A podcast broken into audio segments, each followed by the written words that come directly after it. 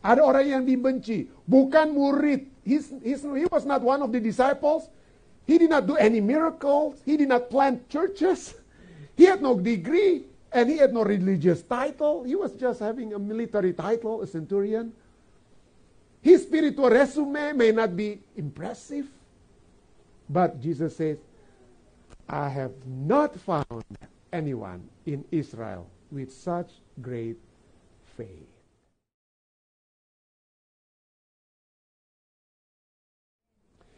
Baik, kita memasuki bagian kelima. We entered the fifth and perhaps this is the last of series walking with Jesus. Yeah. We've been talking about the disciples, how they how they what can we say? How they experience, yeah?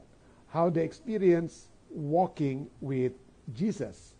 Okay, we can we don't know. None, none of us, tidak ada di antara kita yang mungkin memiliki kesempatan yang begitu indah selain siapa ya? Selain murid-muridnya ya, selain murid-murid Yesus ya. None of us have encounter walking directly with Jesus. We can only learn from the people who have uh, walk with Jesus. Nah, kalau kita lihat, uh, we have been talking about uh, we have been talking about several items, uh, several themes rather ya, beberapa tema yang berhubungan dengan berjalan bersama dengan Yesus. Kita juga sudah melihat beberapa tokoh yang memiliki usaha-usaha dalam perjalanan dengan Yesus ya. And I would like to start with when Jesus first called them. Dengan apa pada saat Yesus memanggil mereka. Yesus katakan dalam Markus 1 ayat 17, Jesus said what? Follow me and I will make you become. Nah, sering kali kita juga apa ya? Kita langsung Many times we, when we read this text, aku akan menjadikan engkau ya, langsung aku akan menjadikan engkau apa uh, fishers of men, penjala manusia. Seakan-akan Tuhan apa ya? Kalau kita lihat kita dipanggil untuk menjadi penjala manusia. Tapi ada satu point that we need to emphasize. Ada satu poin yang harus kita tekankan yaitu Tuhan yang menjadikan kita. You become. Bukan I become. Ya, saya menjadi murid lalu saya akan mendapatkan ini dan itu. Tapi Tuhan yang ini adalah usaha Tuhan. Kamu yang akan kujadikan, bukan kamu akan menjadikan dirimu. Not that you, will, you yourself will make yourself a fishers of men. Bukan. Ya. Tetapi Tuhan yang akan menjadikan. Kenapa? Karena terus terang saja sulit untuk mengikuti Yesus. Sulit untuk mengikuti Yesus. Ya. Kenapa kita lihat sulit? Apakah Yesus is a difficult leader? Is, is God is, a, is Jesus is difficult leader that we difficult to follow him? We face challenges when we in the workplace because of the leaders that may not be good. Okay? Apakah karena itu kita jadi sukar kehidupan kita? Ya. Is it the problem with difficulties? Is it because Jesus create that difficulties? Apakah karena Tuhan kita yang menciptakan masalah-masalah bagi kita? Like our leaders perhaps in the workplace or whoever, you know. Now, if we look at this, the problem is actually can be external and internal ya. Allah sudah katakan, kalau kamu ingin mengikuti aku, if you follow me, you will face challenges by the world. The world will hate you. Dunia akan membencimu karena dunia sudah membenci aku. Jadi externally, yes. Externally difficult, but we will not be talking. Kita tidak akan berbicara tentang apa yang dunia buat bagi kita, tetapi apa yang kita sendiri internally make it for us difficult. Make it difficult to follow Jesus. Okay, I'll, I'd like to start with what this, our study will focus on Matthew chapter 8. Fokus pelajaran kita adalah Matius pasal 8 ya. Matius pasal 8 is about when Jesus had come down from the mountain, from the mountain, great multitude followed him. Orang banyak mengikuti Yesus. Ini peristiwa apa ini? Matius 8 ini. Before Matius 8, apa yang terjadi? What happened before Matthew 8? Matthew 5, 6, 7. Itu ada. What is in Matthew 5, Matius 5, 6, 7? Sermon on the Mount, ya. Omeki, betul sekali. Itu adalah khotbah di atas bukit. Yesus baru saja berkhotbah. Ya. Jadi khotbah yang terkenal, the best and famous sermon that Jesus ever preached is Matthew 5, 5, 6, 7. And after Jesus preached, he came down from the mountain. And the great multitude, orang berbondong-bondong mengikuti dia. Kenapa orang mengikuti dia? Why would people follow him? Why? Ya, baru mujizat yang dia bisa lakukan, apalagi selain itu. Kalau kita lihat, kenapa mereka mengikuti? Because they acknowledge his authority. Oke? Okay? Mereka mengakui otoritasnya dia. He thought, mereka, mereka katakan apa? He thought as one who had authority. Sebab ia mengajar mereka sebagai orang yang berkuasa. Tidak seperti ahli-ahli Taurat mereka. Ya. Jadi jadi karena mereka terkesan dan terkesima. They were so awestruck. Eh, is that correct? The, the English awestruck with Jesus. Wow, he's a good preacher. He has power. He has authority. And we want to listen more and more from him. Especially habis dia buat mungkin mujizat dan lain sebagainya. And not only that, that's true. They, they is talking about Matthew 7:29. They followed him because of authority. Lalu selain itu apalagi kenapa mereka mengikuti dia? Karena mereka bisa melihat apa? bisa melihat mujizat. They can see miracle that Jesus performed. When they followed him, a leper came, verse 2, yeah, Matthew 8, verse 2. A leper came and worshiped him. Datang orang sakit kusta, sujud menyembah dia dan berkata, Tuhan, jika Tuhan mau, Tuhan dapat mentahirkan aku. You can make me clean.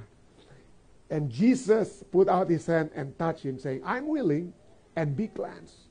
Immediately, his leprosy cleanse. Wah, orang-orang lebih wah lagi. Waduh, udah udah udah uh, hot, udah bicaranya hebat, mujizatnya juga luar biasa. Ya, dem, ya, mujizatnya luar biasa. Ya. So look at this. These are the people who followed him. Great multitude, including the, his disciples. Termasuk juga dia punya apa ya? Murid-muridnya. Now, if you were the disciples of Jesus at this time, ya, kita melihat semua yang hebat, you see the greatest thing that Jesus made. Kita melihat apa yang Yesus buat. Bagaimana perasaan Anda? Wow. Tentu saja, I feel, wow, we are in the right track ya. We will be great. Our our teacher is great. Ya, guru kita guru yang hebat.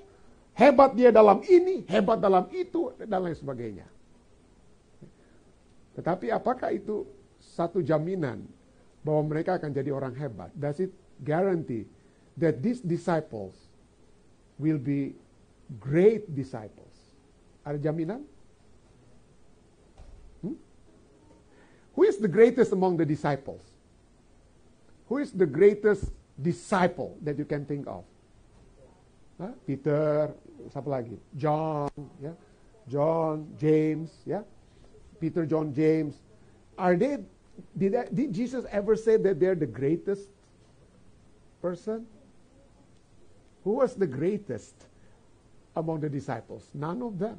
Who was, who was the greatest among the multitudes who followed him? Who followed them? These are the Jewish people. Ini orang-orang Yahudi. Ada yang terbesar di antara mereka? Not none. Tapi Yesus kemudian, but Jesus then talk about the greatest person. Ya, yeah, the greatest person.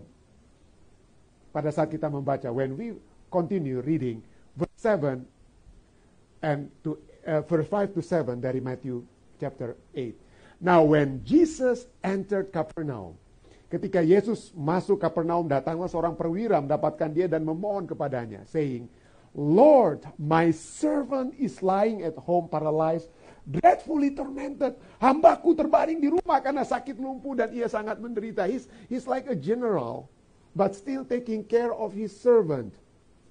Seorang jenderal, tapi memperhatikan dia punya apa ya? Hamba. Hamba. And Jesus said, well, okay. Jesus surprised, okay, well, this is a good person, yeah? And Jesus said to him, okay, I will come and heal what? And heal him. Did Jesus go? Well, we know you know this story very well, yeah. You know, did Jesus go? Well, well verse 8 to 9. The centurion, he's the general, he's a leader. The centurion replied, Lord, I do not deserve to have you come under my roof. Tuhan, aku tidak layak menerima Tuhan dalam rumahku. Katakan saja sepatah kata, maka hambaku itu akan sembuh. Say the word and my servant will be healed. For I myself am a man under authority. Sebab aku sendiri seorang apa? Bawahan. That's very humble ya. Humble to acknowledge his position. He's under authority. Someone is higher than him. So, so, or, ada orang yang akan lebih tinggi daripada kita. Apa pun posisi kita. Apa pun posisi Anda. Apa pun posisi saya. Someone is higher than me. I am a man under authority. Seorang bawahan. Dan di bawah aku ada pula prajurit. Jika aku berkata kepada salah seorang prajurit itu, pergi, maka ia datang dan kepada seorang lagi datang, maka ia akan datang. Ataupun ada hambaku, kerjakanlah ini, maka ia mengerjakannya. You know what is the meaning of when he say like this? What is the implication? Apa implikasinya waktu dia katakan, saya adalah orang, dia bawa satu otoritas, saya seorang bawahan, siapa atasannya dia? General Roman, Roman, Roman uh, general, he was just saying, Jesus, you are above me. Yesus engkau berada di atas apa ya? Ada di atas saya. Ya. Ada di atas saya. Jadi ingat kata authority tadi kita sudah munculkan di Matius pasal 7. Orang-orang itu melihat Yesus sebagai seorang yang berkhotbah, berbicara dengan penuh apa? Otoritas. Sama-sama mereka mengakui otoritas Yesus. The great multitude who follow Jesus acknowledge his authority. Orang banyak yang berbondong-bondong itu mengakui otoritas Yesus. Pemimpin Roma, orang kafir, orang kafir yang dibenci sesungguhnya oleh orang Yahudi kecuali dia ya. Pemimpin-pemimpin agama pun sayang dengan dia ya, karena dia cukup baik memang sebelumnya. Tetapi sama-sama mereka mengakui otoritas Yesus. Apa bedanya? Apa bedanya para orang banyak dengan apa? Dengan Yesus. Mereka hanya apa ya? Mereka hanya apa ya? Memiliki perbe perbedaan yang cukup mendalam. Yaitu mereka hanya sebatas mengakui tetapi tidak mengikuti. Mereka sebatas mengakui tetapi tidak mengikuti. Loh, mereka bukannya mereka mengikuti Yesus berbondong-bondong. Did they just follow Jesus? we will see the difference. Kita akan melihat perbedaannya ya. Perbedaannya. Jadi orang lain itu pergi untuk melihat. Pergi mengakui Yesus, mereka pergi melihat untuk melihat pertunjukan Yesus, perkataan Yesus. Tapi sering kali itu kan only at the end only just want to listen, just want to see the miracle, but there is no change of life in their life. Tidak ada perubahan dalam kehidupan mereka. But Jesus saw differently with this centurion. Tapi Yesus melihat yang berbeda. Dia begitu dia apa? Dia submit. Tuhan, I am under your authority. And when Jesus heard this, he was amazed. Anak Allah yang heran. Ya, he was amazed. Heranlah ia berkata kepada mereka yang mengikuti. He talked to those following him. Truly, I tell you, I've not found anyone in Israel with such great faith. Tidak pernah aku jumpai pada seorang pun di antara orang Israel, orang seperti dia yang memiliki iman yang apa? Memiliki iman yang besar. Tidak termasuk murid-muridnya, tidak ada seorang pun selain orang asing yang memiliki iman. Nah, it is significant, ya kata amaze itu hanya terjadi, Yesus katakan, ada 44 kali kata heran, amazed itu muncul di Alkitab perjanjian baru. But the one that Jesus, uh, attributed to Jesus, kata heran yang, yang dikenakan kepada Yesus itu hanya dua kali. Hanya dua kali. Yang pertama ini, this is the first time the Bible say, and Jesus say, the Bible said that Jesus was amazed. Dia heran. Ya. Dia marvel, wonder, amazed, admire, admire. Ya Tau mazo, ya bahasa Grikanya. Tau mazo, amazed, marvel, heran. Okay. Anda tahu, hanya dua kali. Hanya dua kali. The first one is in Matthew 8:10. The word Taumaso was associated with Jesus, diasosiasikan dengan Yesus. Dan yang kali kedua bukan diasosiasikan kepada Yesus, tapi apa yang Yesus katakan. What did what Jesus say? Apa yang Yesus katakan. Kalau ini dia heran karena iman centurion. Anda bisa tebak kira-kira kalau yang kedua itu berhubungan dengan iman? Ya. Tetapi bukan iman yang penuh, tapi iman yang kurang. Markus 6 ayat 6, inilah kali kedua. Ya, Markus 6 ayat 6, he was amazed Heranlah Yesus atas ketidakpercayaan mereka. He was amazed with people faith, but he was also amazed at people unbelief. Siapa mereka ini? Who are they? Disciples? Ya. Itu orang-orang di sekampungnya ya. Ini Markus Markus 6 ayat 6 ya. Markus 6 ayat 6. Markus 6 ayat 1 sampai 2 di situ ya. Jesus left there and went to his hometown. Ia berangkat dari situ satu tempat dan dia pergi ke tempat asalnya. Sedang murid-muridnya mengikuti dia. Pada hari sabat ia mulai mengajar di rumah ibadat dan jemaat yang besar. Amazed. Jemaat itu besar. Orang-orang yang mendengar Yesus itu bisa amazed. Siapa saja mendengarkan khotbah, mendengarkan firman Tuhan, kita mungkin bisa amazed. But, lalu apa, apakah mereka mengikuti apa yang mereka dengarkan? Mereka amazed ya. Takjub mereka. Dari mana diperolehnya semuanya itu? Hikmat dari mana yang diberikan kepadanya? Mujizat-mujizat yang demikian. They were amazed with the sermon. They were amazed with the miracles. But then, did they follow Jesus? Did they submit? Mark 3 ayat 3 dan 4. Gantinya mereka datang untuk apa? Mengikuti Yesus, menyembah Yesus, menyerahkan diri mereka kepada Yesus mereka mulai katakan apa? Bukan, bukankah, bukankah ia ini tukang kayu? Anak Maria, saudara Yakobus, Yoses, Yudas, dan Simon itu kemudian kemungkinan kakak-kakak Yesus dari dari uh, Yusuf. Ya. Jadi Yusuf menikah dengan Maria, itu istri kedua Maria. Istri pertama adalah anak-anaknya ini, kakak-kakak daripada Yesus. kakak-kakaknya Yesus ini saya sudah pernah bahas. I, I, I talk about them. They became Christian only after Jesus was crucified. Hanya setelah Yesus disalib baru mereka jadi orang Kristen. But before that, they were not even believer. Yeah, they were not even believers. And so, the people also in this village, orang di satu kampung itu juga bertanya, eh, bukankah dia anak Maria? Saudara dari Yakobus, Yoses, Yudas, Simon. Dan bukankah saudara-saudaranya yang perempuan ada bersama kita? Lalu mereka kecewa dan menolak dia. Maka Yesus berkata kepada mereka, seorang nabi dihormati di mana-mana, kecuali tempat apa? Asalnya sendiri. Di antara kaum keluarganya dan di mana? Di rumahnya. Dan ayat 6 and verse 6 says, He was amazed. He was amazed. Ia merasa heran atas ketidakpercayaan mereka.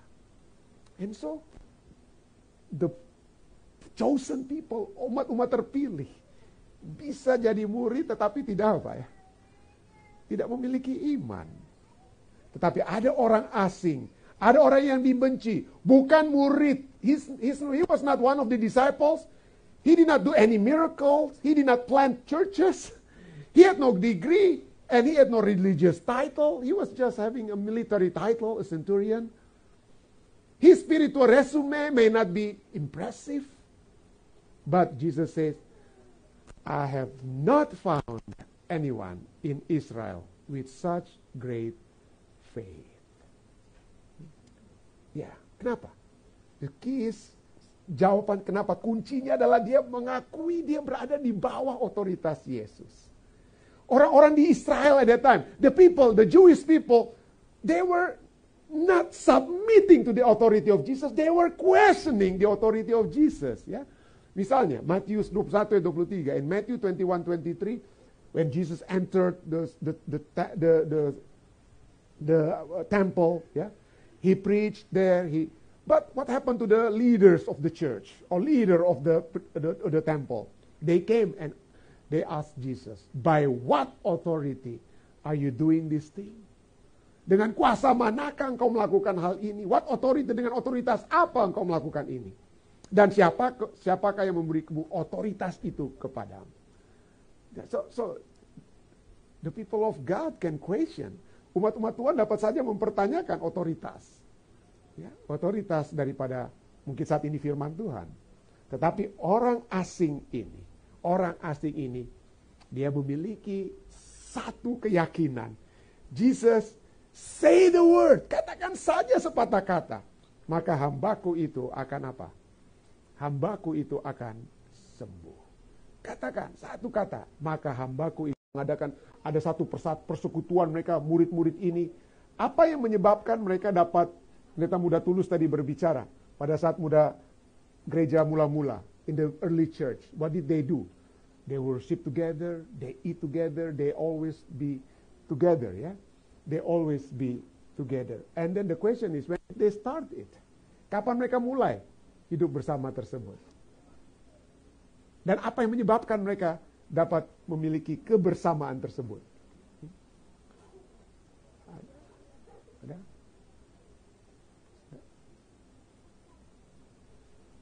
Belum ya?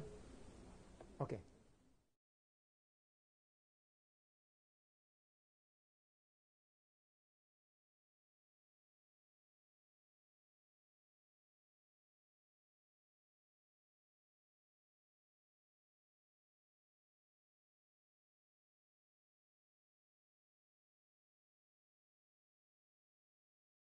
Belum turunnya Roh Kudus, before the coming of the Comforter, before the, before the coming of the Holy Spirit, the book of Acts says about their heart. Tentang hati mereka ya. Kisah 1 ayat 12 sampai 4 dan 14 katakan, when they return, then they return to Jerusalem from the mount called Olivet, which is near Jerusalem, a Sabbath day journey. Lalu apa yang terjadi? This all continued with one accord. Mereka semua bertekun dengan apa? Karena one accord itu one mind or one heart. In other words, for one accord. Jadi dengan sahati, dengan satu hati, mereka bertekun dalam doa dan apa ya? Dan supplication. Jadi apa yang menyebabkan perubahan terjadi? Perubahan terjadi itu bukan oleh sebab pada saat mereka dipanggil, come, follow me, kamu akan apa? Kujadikan penjala manusia. You will become. Proses itu ada. Proses itu ada. Tidak heran ada yang katakan apa ya? Life is a progression of becoming who we are. Pertumbuhan karakter, kehidupan kita itu kita adalah apa? Progress.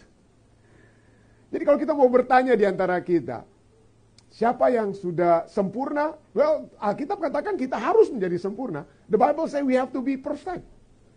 Yeah. But the point is the progression is needed. Just like kalau Alkitab berbicara tentang sempurna, when the Bible speak about sempurna, the Bible speak about maturity, about apa? Kedewasaan. Siapa yang dilahirkan langsung dewasa? Tidak ada kan? So we need to keep on trying. In other words, we need to be in the progress, in the process of becoming who we are. Ada satu tokoh yang terkenal ya. Siapa yang tidak kenal Nelson Mandela? Have you heard Nelson Mandela. Brian, have you heard Nelson Mandela? Have you studied about Nelson Mandela? Yeah, the one in South Africa, right? A famous person from South Africa. People made him like a saint. Know, people really made him like a saint, even until now. People, when they go to South Africa, they would like to go to South Africa and pray and, and receive whatever wisdom, even from the grave of Nelson Mandela because they thought like a saint. He was like a saint. The question is, was he a saint? Apakah dia seorang apa ya? This is something that interesting. One of his Mandela quote ya. Mandela quote. Dia mati tahun 2013. He died in 2013. He was in prison for 20 years because of the trying to trying to to bring uh, the South African, the, the black South African, into a, not, not to be under the white dominance in South Africa. Yeah? And he forgave all the white in South Africa. And he received a lot of praise. How come you have been pre- in prison for 27 years and then you and then you, you forgive the white people who make your life suffer? And then Nelson Mandela say, I'm no saint. Saya bukan orang suci. Unless you think a saint is a sinner who keeps on trying. Kecuali Anda berpikir orang suci itu adalah orang berdosa yang terus apa? Berusaha. He was a sinner who keeps on trying. And this is something that we learn from the disciples. Who among the disciples who was perfect? Ada? Ada yang sempurna? Adakah murid-murid yang sempurna? No, they were just sinners who keeps on trying. And the thing is, Nelson Mandela fell short of saying, who enable us? Yeah. Nelson Mandela quote is focusing on the sinner who keeps on trying. Of course, of course, we need to keep on trying from our side. But, but, but the Bible also speak about when the Bible says that I will make you fishers of men, I will make you become. Artinya di sini ada invitation, appeal, follow, follow me, follow me. But at the same time there is a promise, assurance that you will become. I will make you. I will make you. It's not, in other words, to become, untuk menjadi seperti kita semua saat ini. Untuk menjadi apa saja. Itu itu melalui semua proses, tidak ada yang statik. It's all dynamic and transformative. And the same thing with becoming follower of Jesus, ya.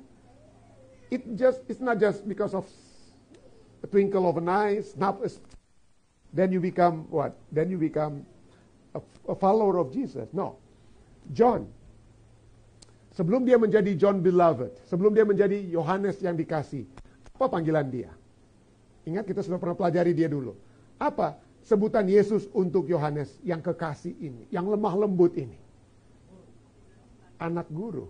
Boanerges, ya. Boanerges, anak guru. Tapi apa yang dia katakan? Dia katakan ini kesaksian Yohanes yang telah menyerahkan dirinya setelah Yesus berangkat naik ke surga, lalu kemudian dia lebih semakin dekat fokus, dia katakan apa ya? Ini kesaksian Yohanes. Dia bahwa ia datang kepada milik kepunyaannya. Tetapi orang-orang kepunyaannya itu tidak menerimanya. Tetapi semua orang yang menerimanya. Yohanes katakan apa? Those to them who received him, to them he gave the right to become children of God. Kepada orang-orang yang menerima Yesus diberinya kuasa yang diberikan. Bagaimana dengan Petrus? Bagaimana dengan Petrus? Kita sudah melihat ya.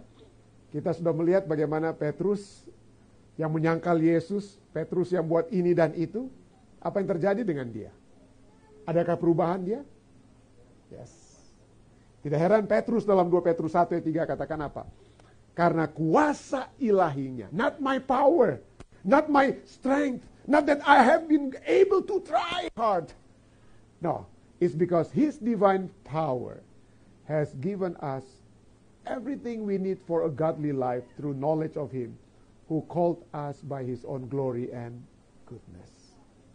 Jadi kuasa ilahinya telah mengaruniakan kepada kita segala sesuatu yang berguna untuk hidup yang saleh, oleh pengenalan kita akan dia yang telah memanggil kita oleh kuasanya yang mulia dan ajaib. Jadi kenapa the promise was there? Why the assurance? Kenapa? Kenapa Tuhan harus menjamin kuasa? Itulah sebabnya mereka dapat berubah pada saat Roh Kudus turun. Mereka tidak dapat melakukan mereka sendiri. Kenapa? Karena kita pasti akan kalah dengan setan. Tidak heran dalam step to Christ, ya, itu adalah usaha setan. Ya. It's Satan effort to keep the attention diverted from the Savior. Dia akan selalu buat. Setan akan selalu membuat supaya kita tidak berfokus pada Tuhan, supaya kita tidak menerima kuasa Tuhan, tapi dia selalu membawa supaya kita tidak memiliki hubungan dengan Tuhan. Supaya kita penuh dengan apa? Penuh dengan keluh kesah kehidupan, penuh dengan kepelisiran dunia, keluh kesah kehidupan. Aduh, ini kenapa ini punya keluarga model begini. Ya. Ini bunyi begini, kenapa anggota begini, kenapa pendeta begini, dan lain sebagainya. Kebimbangan dan duka, kesalahan-kesalahan orang lain, kesalahan-kesalahanmu sendiri, serta ketidaksempurnaan pada semuanya itulah setan berusaha tarik perhatian kita. Tarik perhatian kita. Itulah sebabnya step to Christ katakan, serahkanlah penjagaan jiwamu kepada Allah. Dan berharaplah di dalam dia. Berbicara dan berpikirlah mengenai Yesus. Biarlah dirimu lebur di dalam dia. Dengan senantiasa memandang dia, kita berubah kepada rubah itu juga. Bagaimana murid-muridnya dapat berubah? Pada saat mereka apa? Kapan kapan mereka berubah? Setelah Yesus naik mungkin ya. Pada saat Yesus naik ke surga, barulah di situ mereka apa ya?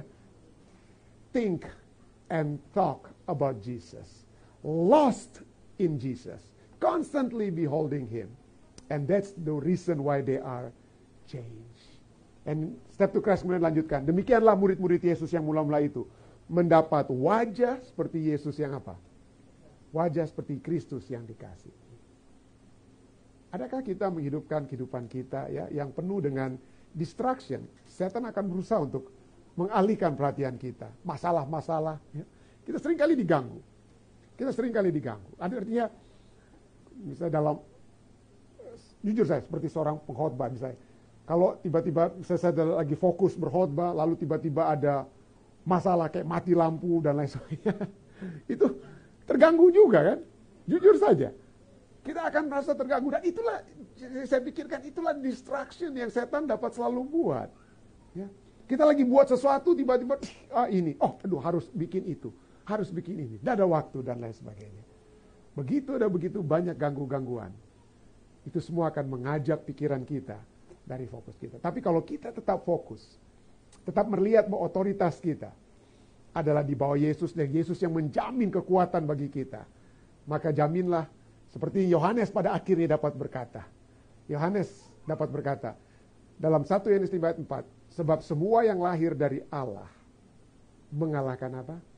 Mengalahkan dunia. Dan inilah kemenangan yang mengalahkan dunia, iman kita. Kiranya dalam pergumulan kehidupan kita ya dengan segala masalah yang terjadi semuanya dapat kita kalahkan.